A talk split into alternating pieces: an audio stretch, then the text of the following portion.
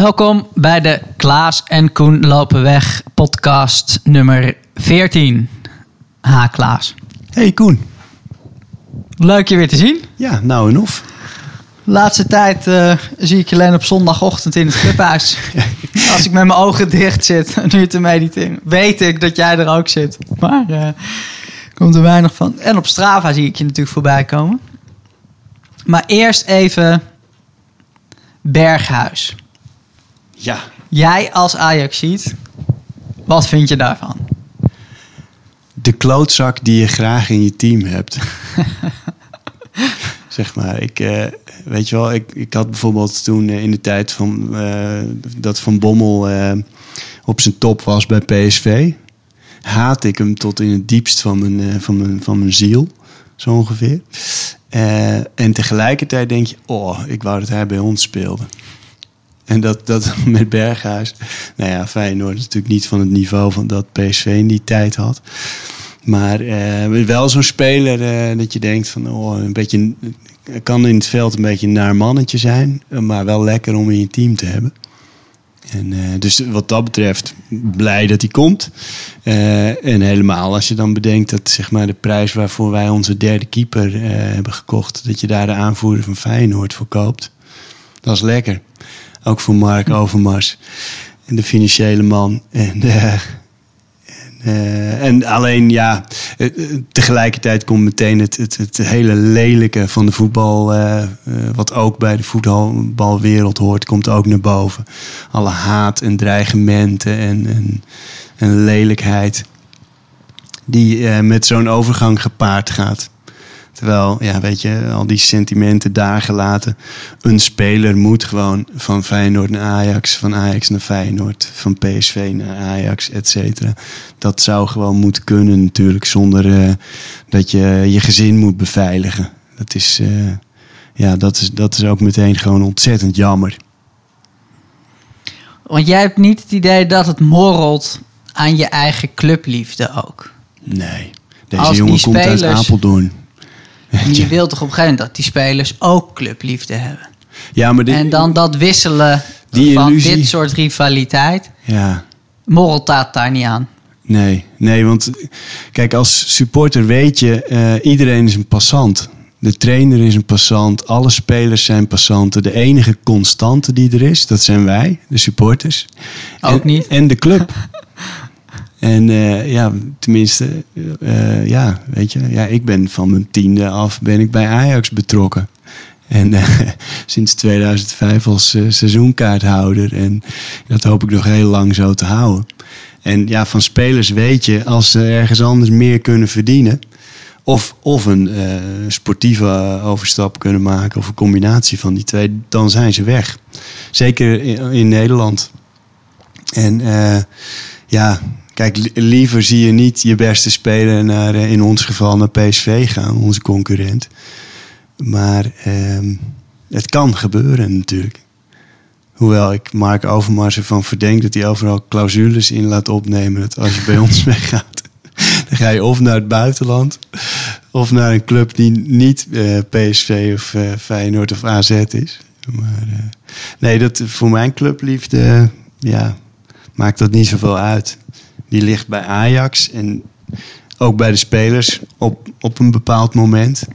Maar eh, ja, je weet dat uiteindelijk de enige loyaliteit die eh, profvoetballers hebben, is poen. Denk je dat? Dat dat de drijfveer is?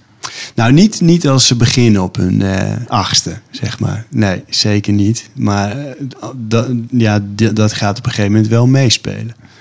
Want ik heb toch altijd die overstappen naar Engeland of eh, naar Spanje. Daar, daar zit toch zoveel meer in dan Poen, lijkt mij. Ik bedoel, als je uitspeelt tegen Watford, dan zitten er 40.000 man op de tribune. Dat lijkt me toch leuker dan eh, uit bij. eh, Ja, kijk, eh, tuurlijk, de Nou ja, overstap naar- Excelsior, Zeker. Nee, maar ik bedoel, als je het in relatie tot clubliefde neemt. Ik, ze- kijk, eh, ze, het zal eh, die jongens als eh, bij, zowel bij Watford als bij eh, Brighton Hove Albion eh, een miljoen per jaar kunnen verdienen. Dan eh, gaan ze niet moeilijk over doen welke club dat wordt. Weet je wel, dat, dat, gaat ze niet om, om de club.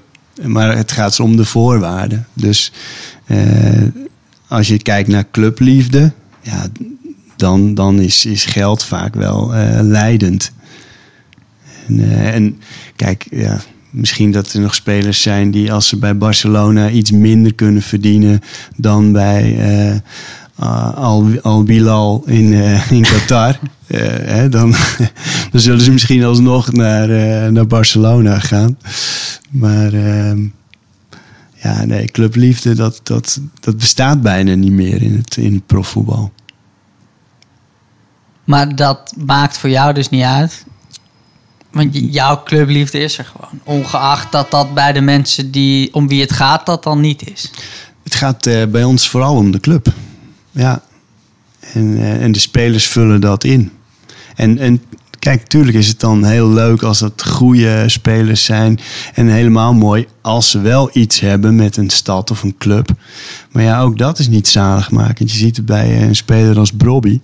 Die eh, eigenlijk bezig was om tot volle bloei te komen in het eerste van Ajax. Eh, geboren op een steenworp afstand van de arena. Ja, die heeft dan toch een entourage om zich heen. Die maakt dat hij vertrekt naar, eh, naar ehm, Leipzig. Ook een Maar- mooie stad. Waar hij waarschijnlijk op de bank komt te zitten. Omdat de trainer en de technisch directeur die hem haalden... inmiddels ook naar een andere club zijn vertrokken. Dus ja, Goed, tot zover Berghuis, Ajax en voetbal. We moeten het denk ik niet te lang over hebben, want ik kreeg een, een verwijt oh, over onze podcast van Victor. ja. Die zegt: Waarom is het zo oppervlakkig? Zo ken ik jullie helemaal niet. Dus ik zeg: Joh, ho- hoezo oppervlakkig? We hebben het toch ook gewoon over mediteren en twijfels en nou ja, wat ons bezighoudt. En ik heb niet dat het nou allemaal heel oppervlakkig is, toch? En hij zegt: Joh, ik heb dat boek van Klaas gelezen. En dan gaat dat hardlopen echt onder je huid zitten. En dat gaat zo diep. Maar dat hoor ik in die podcast. Jullie helemaal nooit terug. Nou, dat is een goede, een goede eh, aanwijzing, denk ik. Moeten we ons daar eh, toch, toch wel even iets van aantrekken, vind ik. Want dat is wel waarom we de podcast ook maken. Toch om mensen enthousiast eh, te maken voor lopen. Om de liefde voor het lopen over te brengen. Ja. Goeie. En ik heb ook wel, ik, nou ja, ik, ik zeg het nu natuurlijk ook, omdat ik er ook wel over nadacht. Van ja, Ja. vind ik dat hij gelijk heeft in dingen. Ik vraag me af of jouw boek te evenaren is in die zin in een podcast. Want je legt daarin zo je hele ziel en zaligheid bloot. Ja, Op zo'n nou ja, indrukwekkende manier. Nou, dank je wel daarvoor. Maar ja, dat is natuurlijk wel. Je hebt in een boek heb je heel wat pagina's tot je beschikking om, om dat te doen. In principe bijna eindeloos, zou je zeggen. En eh, ja, en, en ja, misschien is dat wel makkelijker om op papier te doen, denk ik. Toch? Ja, ik weet niet. Ik denk dat eh, als wij straks na de zomervakantie terugkomen met podcast, dat ik deze opmerking van Victor gewoon bij alles wat ik bedenk aan, aan onderwerpen voor de podcast meeneem. Om, eh, om- daar ook eh, bij te vertellen waarom ik dat belangrijk vind en, en wat het voor mij betekent. Heb je nog nieuws van je uitgever? Want Nee. dit gaat Ja, ja, voor de luisteraars die dat helemaal niet weten. ja. Nou, goed om dat hier eh, je ook, boek. ook even gewoon eh, te bespreken. Want ik heb mijn contract eh, er eens bij gepakt. want nou ja, goed, ik zal e- eerst even vertellen dat Koen met het idee kwam om een heruitgave, of opnieuw uit, een, een nieuwe uitgave van mijn boek, Ren voor je leven, eh, te, te doen. Via Mystical Miles, toch? Die Dacht ik ja dat dat makkelijk was. Ja. Maar het is, het is natuurlijk schandalig dat dat boek niet meer in druk is. Ik vind dat ook zonde. En, ehm, en ik heb het idee dat, het, eh, ja, dat er nog eh, zat mensen zijn die, eh, die het nog moeten lezen. En, en, en wat ik zei, ik heb mijn contract onderuit een doos is opgediept. En daar staat wel, als er een paar jaar niets met zo'n titel gebeurt, dat, eh, dat in ieder geval het gesprek kan plaatsvinden om, eh, om die rechten eh, over te doen. Dus dat je er dan zelf eh, iets mee kunt gaan doen. Dus daar heb ik goede hoop op. En, en dat, zou, ja, dat zou ik wel echt heel erg leuk vond, vinden. Zeker met het plan om daar eh, een illustrator bij te betrekken en zo. Fanclub voor Geeske Ja, erbij absoluut. maken. Ja. Je bent ook weer in training. Ja. Ja, ik ben... eh, Ik parkeer je boek even, want ik denk, ja, het is, ik, ik zou daar zoveel over willen vragen, willen vertellen, maar ik vind het een beetje kinderachtig om heel lang en enthousiast over dat boek te praten, terwijl mensen dat boek dan vervolgens niet kunnen lezen, Nee. omdat het niet in druk is. Dus ik bijt even op mijn tong. Ik denk, laten we even geduld hebben. En als de heruitgave van je boek er is, ja. eh, dan gaan we een special maken van 2,5 uur. en dan gaan we het daar we uitgebreid hem voorlezen. over hebben. Ja. Maar nu dat, dat lopen zelf. Want jouw liefde voor het lopen, nou ja, dat is er eh, altijd zeer aan de oppervlakte. Ja. En ehm, je bent weer echt in training, ja, echt leuk. zag ik. Plan Amsterdam onder de drie uur Ja, is officieel van start gegaan. yes. Met jou. Voor mij. Ja, dus ik, eh, nou ja, ik beloof niet dat ik het eh, de hele marathon volhoud tegen die tijd. Dat weet ik niet. Maar ik beloof je wel dat ik, eh, nou ja, de eerste 30 kilometer gaat het me zeker lukken om je te hazen. In 4 minuten 15 de kilometer. Wat dan de heilige graal is voor onder de drie uur. Maar ik zie jou intervallen doen. Ik zie jou rustig duurlopen doen. Welk schema heb jij hiervoor gekozen? Ik eh, loop met een schema dat wordt gemaakt door eh, Ramon. En Ramon is van de Apollo Endurance Lab. Dat is een club van eh, mensen die trainen voor triathlons. Dus die fietsen, zwemmen en hardlopen. En on- onder dat groepje hangt ook een, een, een, een loop, loopgroep eigenlijk. Dus heel af en toe lopen we samen. Doen we een duurloop of een intervaltraining. En, eh, en eh, van hem krijg ik iedere week mijn schema's. Het is eh, dinsdag tempo. Dus dan ben je bezig op ro- rond marathon tempo. Donderdag interval. Dus echt wat, wat meer echt pittig snelheidswerk. Vrijdag een rustige loop. En zondag een lange duurloop. Ook meestal easy. En ja, het is zo leuk. Nou ja, goed. We hebben het in deze podcast al heel vaak gehad ook over de beleving van het lopen. En mooi lekker buiten zijn en, en onderweg en eh, in de natuur. En eh, die kant van het lopen, die, eh, nou, die is onmisbaar voor mij.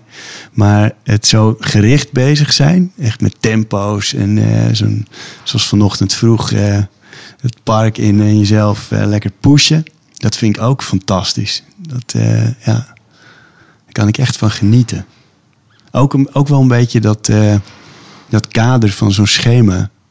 Van zo dan en dan en dan lopen. En, eh, en dat is de opdracht. Vind ik ook wel heerlijk. Gewoon uitvoeren. Ja. Dus ik geniet, eh, ik geniet met volle teugen. En ik heb echt heel veel zin in, ja, in, in dat hele traject. Met, met die marathon als, als kers op de taart. Ja, want we hadden het net al even. We hebben altijd voordat we de podcast opnemen, gaan we eerst anderhalf uur praten over eh, hardlopen. En dan denken we, oh ja, we, we zouden een podcast opnemen. Dus dan zetten we de microfoon aan en dan praten we gewoon verder. maar we hadden het er al even over dat je nu ook die. Want dat, dat blijf ik een hele in- interessant vinden in, in training, in schema's. Is dat marathon tempo of, of marathon hartslag. Of marathon voltage. Nu met, met de stride. En jij zit nu op marathon tempo. Ja, Heb je dan blokken? Nou, je vertelde dat je laatst twee keer vijf kilometer marathon tempo had. En hoe hoe doe jij dat? Begin je dan een beetje op gevoel dat te lopen? Of Ja. kijk je dan continu op je horloge? Of... Want ik denk dat voor heel veel lopers dit wel een... Het, het is een even logische als complexe. Ja. Dat je zegt van joh, ga trainen op marathon hartslag, ga trainen op marathon tempo, ongeacht welk schema je ook he- neemt. Kies daar bewust kilometers en tijd voor om, om dat te doen en je eigen te maken. Omdat je daarmee goed voorbereid aan de start staat. Omdat je nou ja, datgene wat je op marathondag zelf gaat doen, dan veel hebt gedaan. Maar wellicht nog wel belangrijker dat je gewoon voelt, weet, in je lijf gesleten hebt waar je op moet lopen Ja, als je start met honderden duizenden anderen. ja, dat ja, ik, onmisbaar wat dat betreft, vind ik. Om, om dat goed eh, aan, te, aan te voelen. Maar goed, ja, het begint er natuurlijk wel mee dat je een beetje een idee hebt van wat dat beoogd marathontempo eh kan zijn. En, eh, dus ja, voor heel veel mensen zou het prima zijn om eh, eerst eens uit te vinden wat jouw marathonhartslag is. Daarop te gaan trainen en van daaruit een tempo te destilleren wat, daar, wat daarbij hoort. En eh, kijk, ik, jij doet dit nu, nu al een tijdje. En ik, durf wel eh, een beetje te zeggen van nou, 4.15 lopen voor een marathon, dat is voor mij absoluut haalbaar. Eh, 4 minuten 15 kilometer Ja. bedoel je dan? Ja. Dus dat is drie uur op de marathon. ja. De- en, ehm, en, maar het kan natuurlijk wel zijn dat in het traject, dat ik over acht weken gewoon merk van het kost me veel te veel moeite of mijn hartslag zit veel te hoog op dit tempo om, om, ja, om het realistisch te laten blijven. En dan moet je aanpassen. Maar als jij nu zegt, joh, ik hobbel het Vondelpark in. Ja. Ik ga daar twee keer vijf kilometer marathon tempo doen. Ja, Dat staat in je schema. Als je hebt warm gelopen of je hebt het ding gedaan, dan denk je, oké, nu gaan die eerste, het eerste blok van vijf kilometer gaat nu in. ja.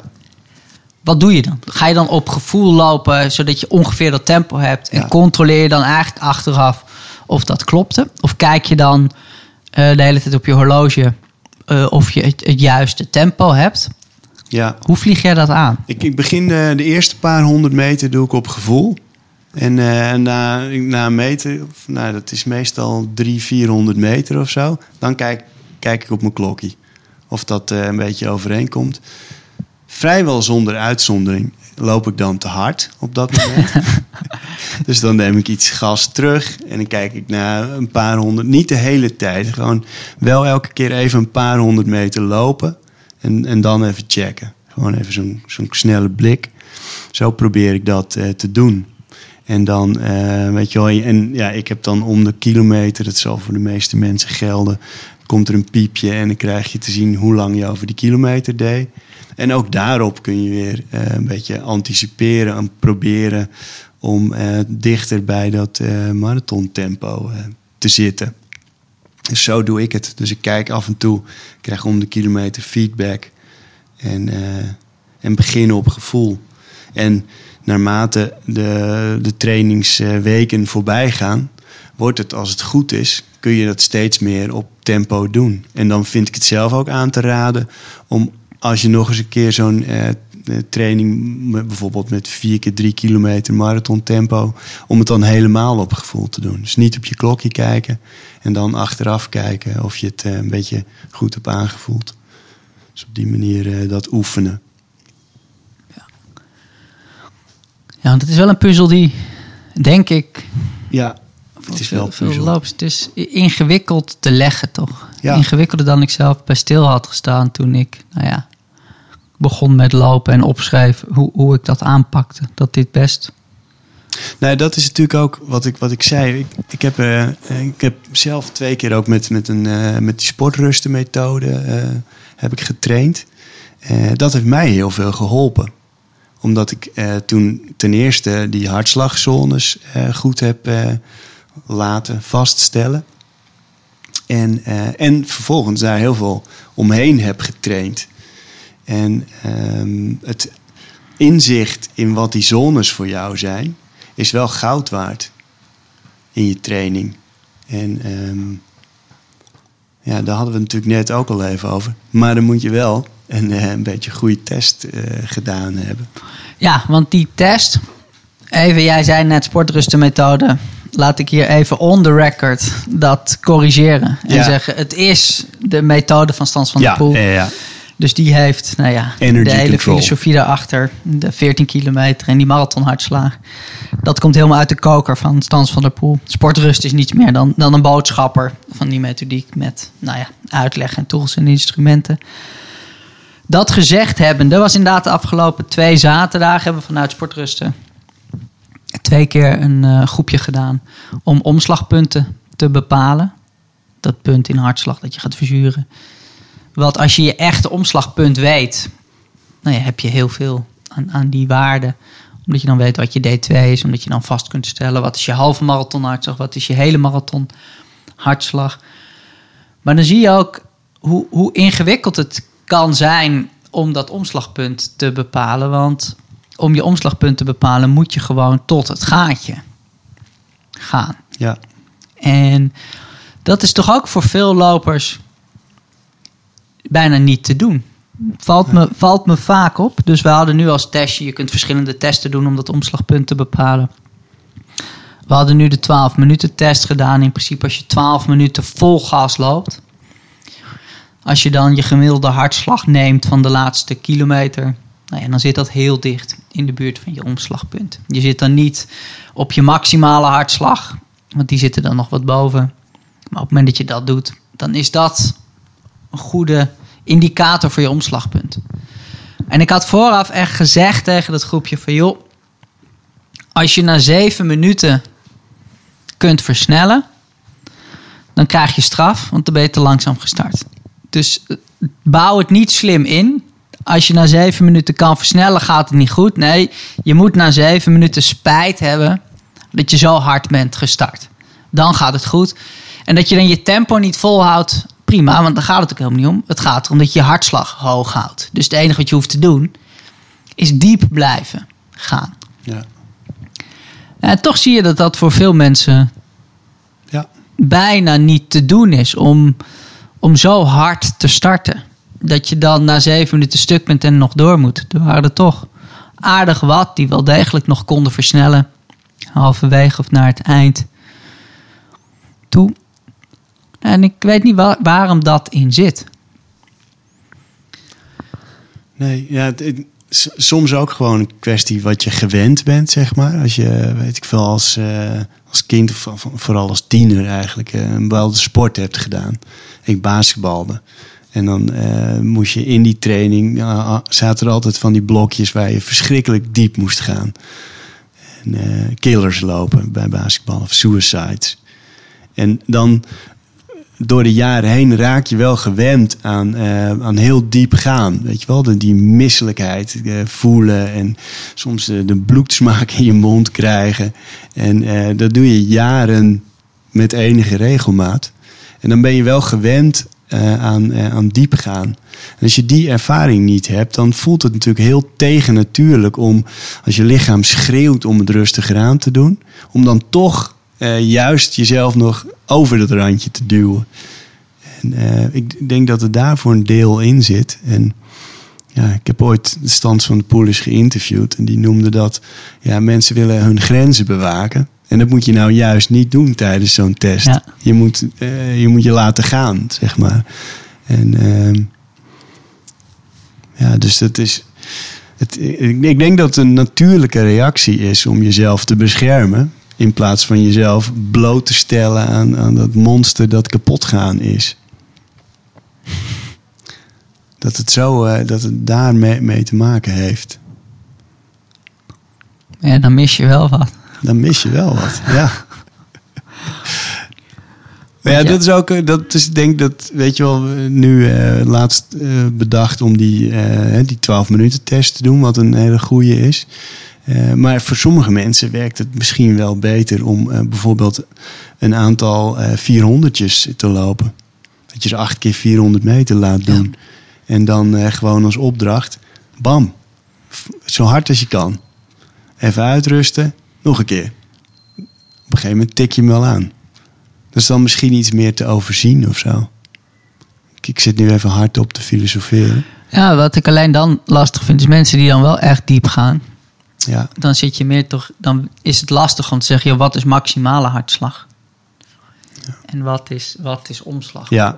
Want in principe, ja, ja, het gat tussen je omslagpunt en je maximale hartslag, ja, dat zal voor de meeste lopers in gewoon gebruikt zijn tussen, tussen de 6 en 8. Maar ja, mensen die extreem diep kunnen gaan, kan best zijn dat daar 12 tot 14 slagen voorbij Ja. je omslagpunt nog, nog doorgaat. Dus het blijft een beetje ja, dan moet je op een andere slim kiezen. rekenen. Dat je denkt van, joh, hoe, hoe lopen mensen nou naar hun omslagpunt? En je ziet vaak dan wel een tableautje. Even in de hartslag. Maar dat je echt diep gaat. En dan zo'n piekje naar de maximale hartslag. Ja. Maar het blijft dan een beetje, nou ja, kiezen. ja, je hebt wel een langere, een langere inspanning nodig hè, voor... eh, ja. Ja, dan zie je het tableautje. Dus wat er bij iedereen gebeurt is, je, als je begint met lopen en je loopt meteen hard, dan kruipt die hartslag toch vrij langzaam omhoog. Omdat ja, die eerste twee minuten kun je nog wel op je creatine fosfaat diep gaan. En daar heb je nog geen zuurstof voor nodig. Dus dan is dat hart, heeft niet echt aanleiding om meteen als een malle te pompen. En op een gegeven moment dan kom je in zuurstofschuld. En dan zegt het hart, oké op, we moeten Ja. zuurstof bijpompen naar die glycogeen. Ja, en dan krijg je dus, als je hard begint, een, een eerste tableautje. Bij veel mensen maakt hij daarna een sprongetje, krijg je nog een tableautje. En vaak is dat tweede tableau in hartslag, ja, dat ligt nagenoeg op dat omslagpunt. Toch een soort, nou ja, steady state in dat diep gaan. Ja. Ja, en als je mensen ziet lopen en ze, ze hijgen en, en ze gaan diep. Je ziet het ook in de blik, want je manier van denken verandert ook. Op het moment dat je daarin zit, je hebt dan niet meer echt tijd of zin om de hele tijd op je horloge te kijken. Hoe lang nog, hoe ver nog. Ding. Je komt een soort, een beetje in een tunnel. Waarin je juist nou ja, op aanmoedigingen nog wel reageert, maar niet meer vanuit je eigen Nee. gedachtegang en prikkel dat allemaal in de smiezen houdt. En daar is die 12 minuten dan lekker voor. Dat je mensen de tijd geeft om boem, die eerste en tweede tableautje voorbij te gaan. En dan nog even door te jassen op dat omslagpunt bij die hoge hartslag. Maar diep gaan is een ding en, en de meter zelf is een ding. Ja. Want eh, ik had er ook twee in dat groepje. Die, eh, eh, die, die moeten het nog een keer doen. Omdat de meting zelf niet lukte. Ja. Dat blijft toch ook met die polsmeting. ja, als je het wil weten, moet je gewoon een hartslagband hebben. Het is, Hoe duur je horloge ook is. die, eh, het is die, die echt dure Polars en Garmin's. Op zich het mechanisme, de techniek om die hartslag te bepalen vanuit de pols is, is best goed. Maar ja, je moet je horloge wel strakker doen vaak dan, Ja. dan prettig aanvoelt. En we hadden er een in het groepje die, die met een Fitbit liep. Nou ja, die ging helemaal, helemaal tot het gaatje. En die had een maximale hartslag van 123. Dat tableau werd neergelegd al na, na een halve minuut. Dus je weet gewoon, ja, die, dat heeft niet goed gemeten. En ja, ik vind het zelf altijd een beetje flauw om te zeggen: oké, eh, kom, we gaan een eh, omslagpunttest doen in dit. Maar je moet wel allemaal dure apparatuur en zo erbij kopen om het te doen. Maar eigenlijk is het wel, ja. Wil je er gewoon gericht mee aan de gang gaan? Wil je je lijf leren kennen? Ik denk op het moment dat die waarde klopt en goed is, dan heb je op lange termijn zoveel lol van wat je leert over je lijf in dat lopen. En helemaal niet dat je dan de hele tijd al je trainingen op je hartslagmeter gaat zitten kijken, maar juist een bepaalde tijd dat nauwkeurig en goed Ja. meten. Om je lijf te leren kennen, om te weten wat erin zit, om te weten wat voor je werkt. Ik denk dat het toch ongelooflijk leerzaam en leuk is. Jij hebt denk ik altijd een band om, hè? Ik heb eh, eigenlijk sinds, eh, sinds ik eh, zeg maar op de stand van de poolmethode had getraind, loop ik bijna altijd met een hartslagmeter. De afgelopen eh, maanden had ik het iets minder. Ik heb hem bijvoorbeeld met onze tocht had ik hem niet, eh, had ik hem niet om. Eh, en nu wel weer. Want ik vind, en ik zit er ook niet de naar te kijken hoor, maar ik weet dan aan, aan het eind van een training wat ik heb gedaan. En ik vind het ook fijn bij mijn rustige duurloop. Om te kijken of ik wel in, in die rustige zone ook blijf. Of ik in D1 blijf. Daarvoor, eh, ja. Vind ik, vind ik leuk. Leuk om te weten, goed om te weten. En ja, het is gewoon een hele goede manier om te kijken hoe je, hoe je ervoor staat, vind ik. En weet jij ook hoe je hartslagzone D1 zich bijvoorbeeld verhoudt tot je stridezone D1 op vermogen? Weet ik niet uit mijn hoofd. Maar ehm, ik, heb, ik heb er wel eens naar gekeken, inderdaad. Volgens mij ligt dat wel aardig, eh, komt dat wel aardig overeen. Ga ik natuurlijk zo meteen eens even opzoeken. Maar die, eh, dat, dat, dat klopt volgens mij wel met elkaar. Ja. Ja, het is, weet je, het is zo'n. Als ik mensen vertel over. Hè, probeer ze mee te geven. Ja, de beleving van het lopen. En het is mooi. En eh, dat, lijkt soms wel eens te botsen dan met. eh, nou, ik met jou ook eens over gehad. En in de podcast. Maar het lijkt dan te botsen met het gebruiken van techniek. En bezig zijn met cijfers en getalletjes. Maar eh, ja, voor mij sluit het elkaar helemaal niet uit. En als je dat een keer goed hebt uitgezocht en daar een keer een eh, trainingsblok mee, eh, mee hebt gedaan, of op, of op vermogen lopen of met hartslag lopen, eh, dat geeft gewoon een verdieping aan het lopen en het maakt het gewoon leuker. En eh, er blijft nog heel veel tijd over om gewoon lekker eh, te zwerven en eh, helemaal niet naar die getalletjes te kijken. Ja, nee, ik denk wat dat betreft ook, nou ja, dat we daar helemaal hetzelfde in zitten. Ja. Ik vind het ook heerlijk om te lopen zonder meters, zonder apparatuur. En dan Ja, kijken ook, kunnen we hier links? Ja, hier kunnen we links en eh, dingen. Maar het is zo betekenisvol, zo leerzaam om af en toe van die blokjes te pakken. ja, Van, eh, nou ja, ik, ik werk zelf graag dan een periode van 100 dagen richting zo'n evenement. Dat je dan denkt van oké, als je zo'n 100 dagen pakt, nou ja, dan hou je dus 265 dagen in zo'n jaar over. Dat je het anders doet en niet Ja, doet. En het precies. is ja, in die zin... Merk je ook dat je het op een gegeven moment zo goed aanvoelt. En ik denk dat dat, nou ja, veel winst is op het moment dat je dan iets, iets nieuws gaat doen, iets anders gaat doen. Ik denk dat we daar allebei ook de mist in gingen met ons avontuur. Dat we voornemens waren om 400, dagen, 400 kilometer te lopen in acht dagen. Dat we bij kilometer 1 te hard liepen. ja. Dat we toch ergens instapten. Nou ja, wat we allebei niet kenden. En dat dat rustig voelde. Maar nou ja, toen ik later keek wat die, die ultralopers doen. Met echt lange tochten. En niemand ging zo hard weg als wij. Nee. En dat is wel iets, nou ja, dat, dat leer je door het te doen. En dat is iets, dat, dat kun je met richting een half marathon, hele marathon, kun je dat voor zijn door het, nou ja, vanuit kenniskunde te doen en te kijken hoe je Ja. daarbij voelt. En wij hebben het dan nu, nou ja, ervaren Aan de lijve. door, door het even de mist in te gaan. Maar Ja. we hadden waarschijnlijk met, nou ja, als we het minder hadden gezien, alleen als een avontuur en buiten de hele dag buiten spelen en kijken wat we tegenkomen. Maar als we echt in de fysiologie waren gedoken en hadden gekeken, oké, wat is onze 400 kilometer hartslag?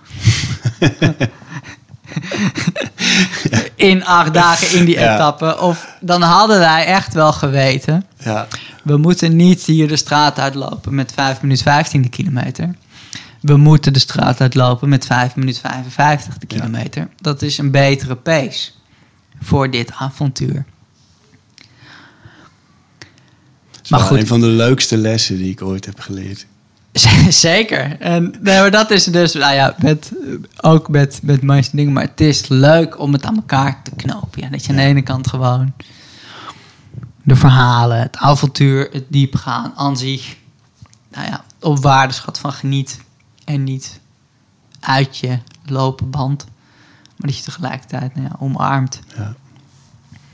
wat die meters en, en apparatuur je kunnen leren en vertellen. Ik denk dat je daar een hoop lol aan beleeft. Over lol gesproken. Ik ben een beetje bang dat het niet doorgaat. Maar ik had jou gevraagd of jij zin had in een leuk klusje. Ja. Toen zei jij, nou zin wel, maar ik kan dan niet. Nee. Sfeerige. Ja, we kregen van eh, Mystical Maas kregen we de vraag of we in Noord-Zweden mee wilde doen. Aan, een, eh, aan twee trails is het eigenlijk. En toen ik het reisschema zag van die trails, weet ik niet wat, wat er eerst was. Of er eerst Chenne was, joh, dat kun je niet maken. Of dat er eerst was, dat is gaaf. Eh, daar wil ik bij zijn. Want wat is het? 22 juli ga ik nu samen met mijn neef Mark naar Zweden. Vervolgens gaan we eh, vanuit het vliegtuig eh, met de bus een stukje. Vervolgens gaan we met de veerboot naar een hotel. Ja. En vervolgens gaan we een trail lopen. En je kunt niet bij de start van de trail komen.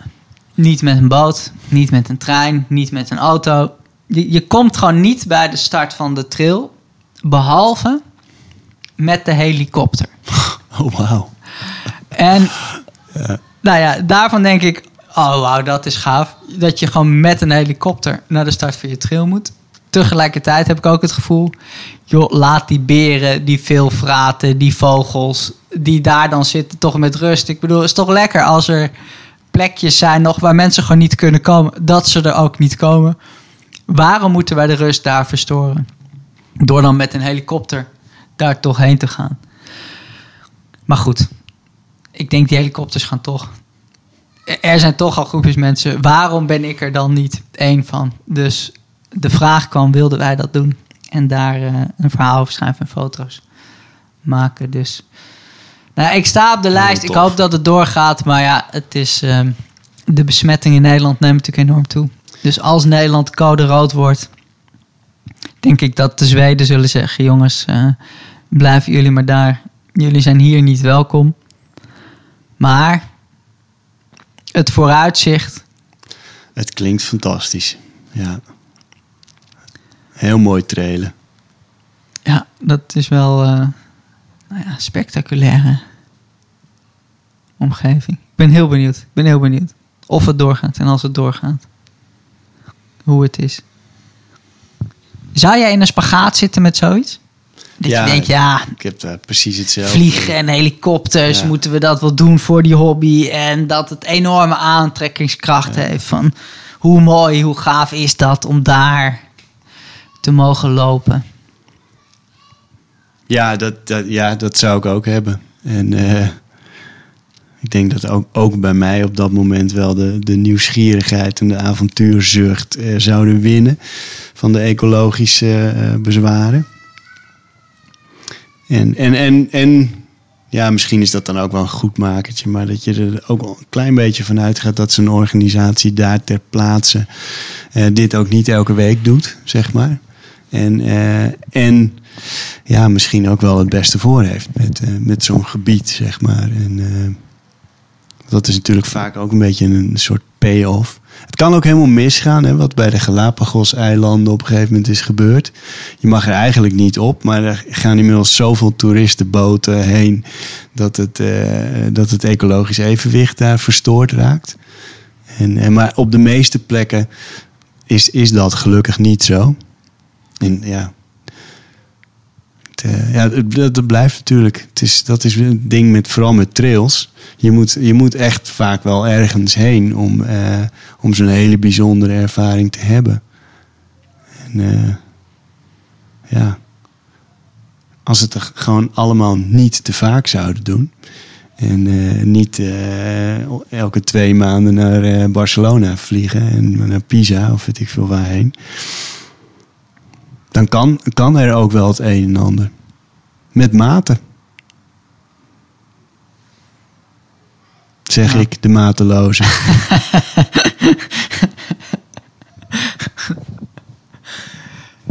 Bij de volgende podcast dan uh, hoor je of het door is gegaan en hoe het was. Ga jij nog op vakantie? Ja, nog even naar Zeeland. En daar ben ik... Uh, uh, eerste week augustus. Dus als er in die week in Zeeland nog leuke loop, loopevenementen zijn, dan hoor ik het graag. Ik, daar heb ik, ja, dus ik, we staan daar op de camping. En uh, ja, dat is, eigenlijk is het dat wel. En ik ga met, uh, met mijn dochter nog wel wat, wat leuks doen. naar Sprookjeswonderland in Enkhuizen of zo. dat soort dingen. Daantje. Ja, Ik zie ineens Daantje in Sprookjeswonderland. Maar laten we daar niet uitgebreid over hebben. Maar het is wel een leuk plaatje. ja. Ben je nog iets aan het lezen? Op het moment. Eh, ja, ik ben eh, het boek van, eh, van Hans kreeg ik zondag van hem in mijn handen gedrukt. Olympiërs. Hij gaf het aan me omdat ik hem vroeg of hij de Amerikaanse trials nog had gezien. Dus waar wordt besloten wie er naar de Olympische Spelen gaan. En dat is in, qua dramatiek een van de mooiste sportevenementen. Hans zegt eigenlijk nog mooier dan de Spelen. Omdat ja, mensen hebben vier jaar ergens naartoe gewerkt en moeten daar tijdens één toernooi eh, bepalen wie gaat. Dus eh, in de 1500 meter bijvoorbeeld, er zijn eh, zes lopers van wereldniveau. En er mogen er maar drie en die lopen tegen elkaar. Dus het is een hele, ja, het is een eerlijke strijd. En ook, ja, daar wordt het beslist. En Hans vertelde, oh, dan moet je, heb je mijn boek Olympiërs al gelezen? Dat had ik nog niet. En eh, daar zit ook een scène in van iemand die eh, het niet haalt op de trials. En dan het stadion wordt uitgeleid. En die drie die het wel worden gehaald, die ziet hij zo'n ruimte binnenlopen waar al die Olympische kleding hangt. Dus die krijgen meteen hun, pakketten uitgereikt en zo. Ja, een stuk in al zijn treurigheid een schitterend beeld. Ja. Dus Olympiërs staat op mijn leeslijst. Mooi. Ja? Ja, dit, ik heb het ook gelezen, Olympiërs. Ja. Het is een mooi boek. Hans Koeleman kan, eh, kan goed schrijven. En ook goed vertellen. Ja, ik, ik ben bezig in, G- in Dorp. Ja. Van Gilles van der Loo. En eh, de reden dat ik dit las was omdat ik bij de schrijversvakschool een cursus heb gevolgd. Om mijn droom om ooit een roman te schrijven eh, kracht bij te zetten. Dus ik, ik ben bezig met, met een roman. En eh, ja, dat is echt een andere tak van sport dan, dan non-fictie. Maar onwijs leuk om te doen. Maar ik kon daar wel wat hulp bij gebruiken. Dus ik had bij de schrijversvakschool een cursus gevolgd roman schrijven. En, en romanschrijver Gilles van der Loo was, was mijn leraar. En eh, nou ja, als ik dan een pagina naar hem had opgestuurd... dan kreeg ik dat terug met eh, opmerkingen en suggesties. En dan bleef er gewoon niet één zin staan. Dus in iedere zin stond een verbetering of suggestie. En dan schreef hij onderaan die pagina... maar je kan goed schrijven, ga zo door. Dat je denkt, joh, hoe dan? Dus ik was heel benieuwd nou ja, eh, naar eh, hoe hij dan zelf Ja, ja, ja. een roman schrijft. En het, het, de roman die ik nu lees heet Dorp. Dat is wel grappig. Dat, eh, het gaat over een stukje waar jij eindeloos loopt. Namelijk het dorp Sloterdijk. Voordat het ingehaald werd Ja, door de ring en, en Amsterdam. Nou ja, en die ringweg was er nog niet. En het zat nog niet vast aan Amsterdam. Het was gewoon nog een dorpje Ja. met eh, ja, het kerkje. Wat er natuurlijk nog, nog staat. Peterskerk. Dus het gaat om eh, nou ja, de, de beheerder van dat kerkje. Heel tof. En eh, nou ja, een verhaal omheen. Ik ben, ik ben net begonnen, maar eh, ik ben benieuwd dus wat mijn eh, leraar Ja, er zelf van, van maakt. En leuk. Dat is een mooi plekje. heel mooi plek. Mensen die daar al heel lang wonen, hebben het recht om op dat begraafplaatsje te komen liggen. Er zijn er niet meer veel van, maar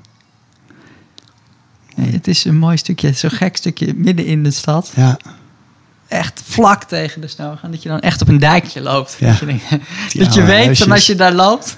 Dit was heel anders dan, dan wat het nu ja, is. Maar helemaal ingehaald. Ja. In, ja. Grote frisdrankfabriek waar ze allemaal werkten. Ze hadden een eigen voetbalclub. VV Sloterdijk bestaat nog Ja. wel, maar ja, het is een heel andere soort club geworden. Ligt nu aan de andere kant van de Haarlemmerweg. Ja, leuk. Oh, ben je er ook wel benieuwd naar. Heb jij nog iets wat je wil zeggen? Ik wilde jou een hele fijne vakantie wensen, maar eh, we weten niks. We weten niks. Dus het is, het is als het leven. Eigenlijk de enige Anders dan, zekerheid is onzekerheid.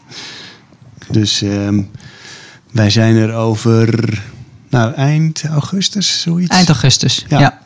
Ja. dus ehm, nou ja, we hebben in ieder geval ook wat mensen op de lijst staan. Dat Ja. we de podcast na de zomer vervolgen met, met gasten erbij. Dus, ehm, nou ja, Hans van Dijk. Gaan we eigenlijk, gewoon, eigenlijk wordt dat gewoon ons seizoen Dan, 2, eh, vind je niet? Ja, dat, eh, dat is wat het wordt. Ja. Dus eh, Leuk. bij deze afsluiting van seizoen 1, Yes. op naar seizoen 2. En eh, heb een mooie zomer. Jij en de luisteraars. En gelijkmoedig voorwaarts. Gelijkmoedig zijwaarts.